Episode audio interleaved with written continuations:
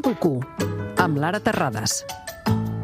I avui el punt de partida amb l'Ara de Terrades és un missatge que ens va arribar a Telegram que diu que pot portar un infant de menys de 15 anys a suïcidar-se quan hauria de ser més feliç que mai? Mm -hmm. Preocupant. Preocupant, sobretot les dades dels últims dos anys, com han augmentat els suïcidis eh, entre la població adolescent i jove també la població adulta, no? però sí que ens preocupa i especialment aquí en aquest programa aquest sector de població jove que està a la flor de la vida i què està passant. Eh, vull començar per un manifest que vam escriure amb un equip de psicòlegs el 2020 on nosaltres dèiem que totes les mesures eh, relatives a la pandèmia a nivell psicològic podrien afectar molt negativament. I una de les premisses que vam posar a moda hipòtesi, però bueno, perquè ens semblava que això seria algo greu, és que això podia portar a ganes de suïcidar-se. Quan nosaltres vam presentar aquest manifest a diverses professionals, algunes ens van dir això no ho publiqueu perquè la gent s'espantarà.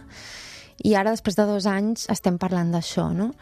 I nosaltres ho vam preveure perquè és bastant lògic com pensar que moltes necessitats d'aquesta etapa evolutiva, que és l'adolescència, com era anar cap a fora, veure els meus amics i amigues, tenir un futur més o menys cert, eh, poder expressar qui sóc, no recluir-me en una habitació amb les pantalles, tot el tema de la mascareta com ha afectat, no? el tema de la imatge.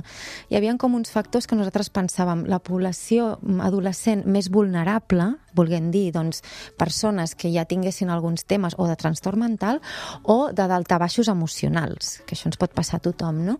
Doncs aquesta població, que la que fos més vulnerable dintre de l'adolescència, que l'adolescència ja és un moment vulnerable de la nostra vida, pensàvem que aquesta, aquests joves segurament sortiran rep amb repercussions negatives. I el suïcidi, des d'una mirada adolescent, jo recordo una clienta adolescent que un dia parlàvem de que ella es volia suïcidar i el que jo veia en ella i en moltes altres eh, joves d'aquesta edat és que ho busquen, o sigui, no és que es vulguin morir, sinó que volen una solució al seu patiment.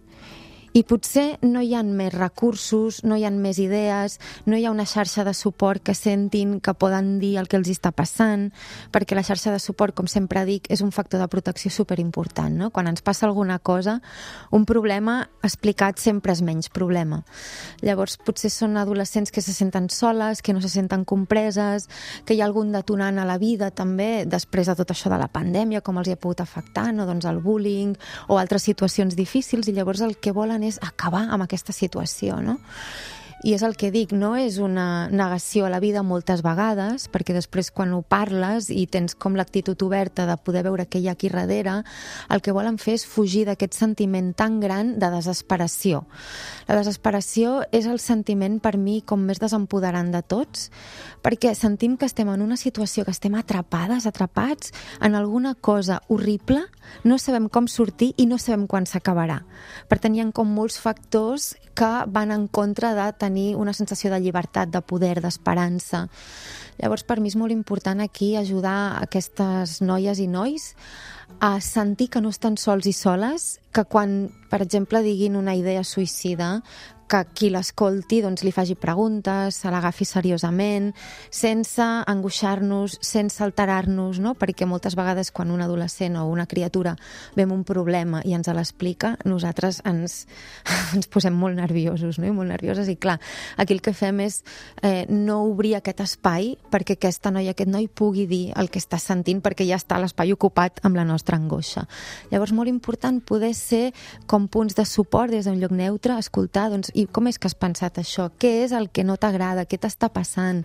També poder buscar què sí que les ancla a la vida, perquè el suïcidi doncs, és, una, és una manera de dir jo no vull viure, no vull estar aquí i estic més connectada a la mort que a la vida. No? Segurament hi ha coses que sí, que les arrelen aquí, no? en aquest moment, en el present, a la seva vida, amistats. Llavors, intentar que aquesta persona pugui fer aquestes coses que segurament ha deixat de banda, acompanyar-la, i sobretot, algo molt important que volen totes les criatures i tots els joves i sobretot quan estan en situació de desesperació és ser vistes. O sigui, quan ve algú i et veu pel que ets i pel que et passa i no et jutja i no et vol canviar, algo a dintre fa com, bo, relaxa, no? I penso que hem de ser molt sensibles amb aquesta població avui en dia, amb tot el que ha passat, perquè jo crec que no es pot oblidar d'on venim, en el sentit de que en el sistema nerviós totes aquestes vivències tan dures i per l'edat adolescent penso que ha sigut l'edat més afectada, són acumulatives no? És com, bueno, tot allò ja va passar. Bueno, tot allò ja va passar i ens ha generat uns estats que encara arrosseguem. No? Llavors, hi han coses que segurament es van obrir fa dos anys i que potser ara jo estic d'una manera que abans d'aquests dos anys jo no em posava d'aquesta manera. És a dir, que arrossego algun tipus de seqüeles com més invisibles, que costa de nombrar fins i tot que tot m'afecta més. També el món està canviant molt ràpid i hi ha moltes incerteses de futur. Jo penso que això és molt important quan ets adolescent, no? que comences com a deixar anar la infància i estàs mirant cap a l'adultesa i estàs al mig. I estàs mirant cap endavant i hi ha un futur doncs, com per bé o per malament, que no sabem què passarà amb moltes coses per tots els canvis de paradigma que estan havent-hi.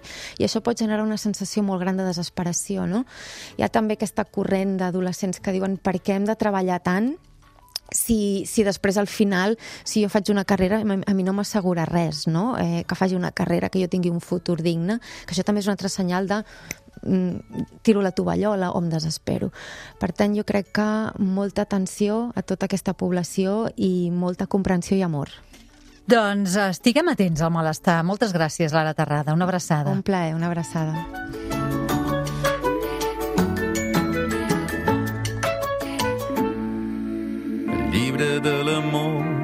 Llarg i avorrit, el mal parit pesa tant que ningú el pot aixecar està ple de mapes, de dades i d'esquemes i d'instruccions per ballar. L'Ofici d'Educar, un programa ple d'amor i com la bossa de la Mary Poppins, ple de màgia i ple d'eines per educar.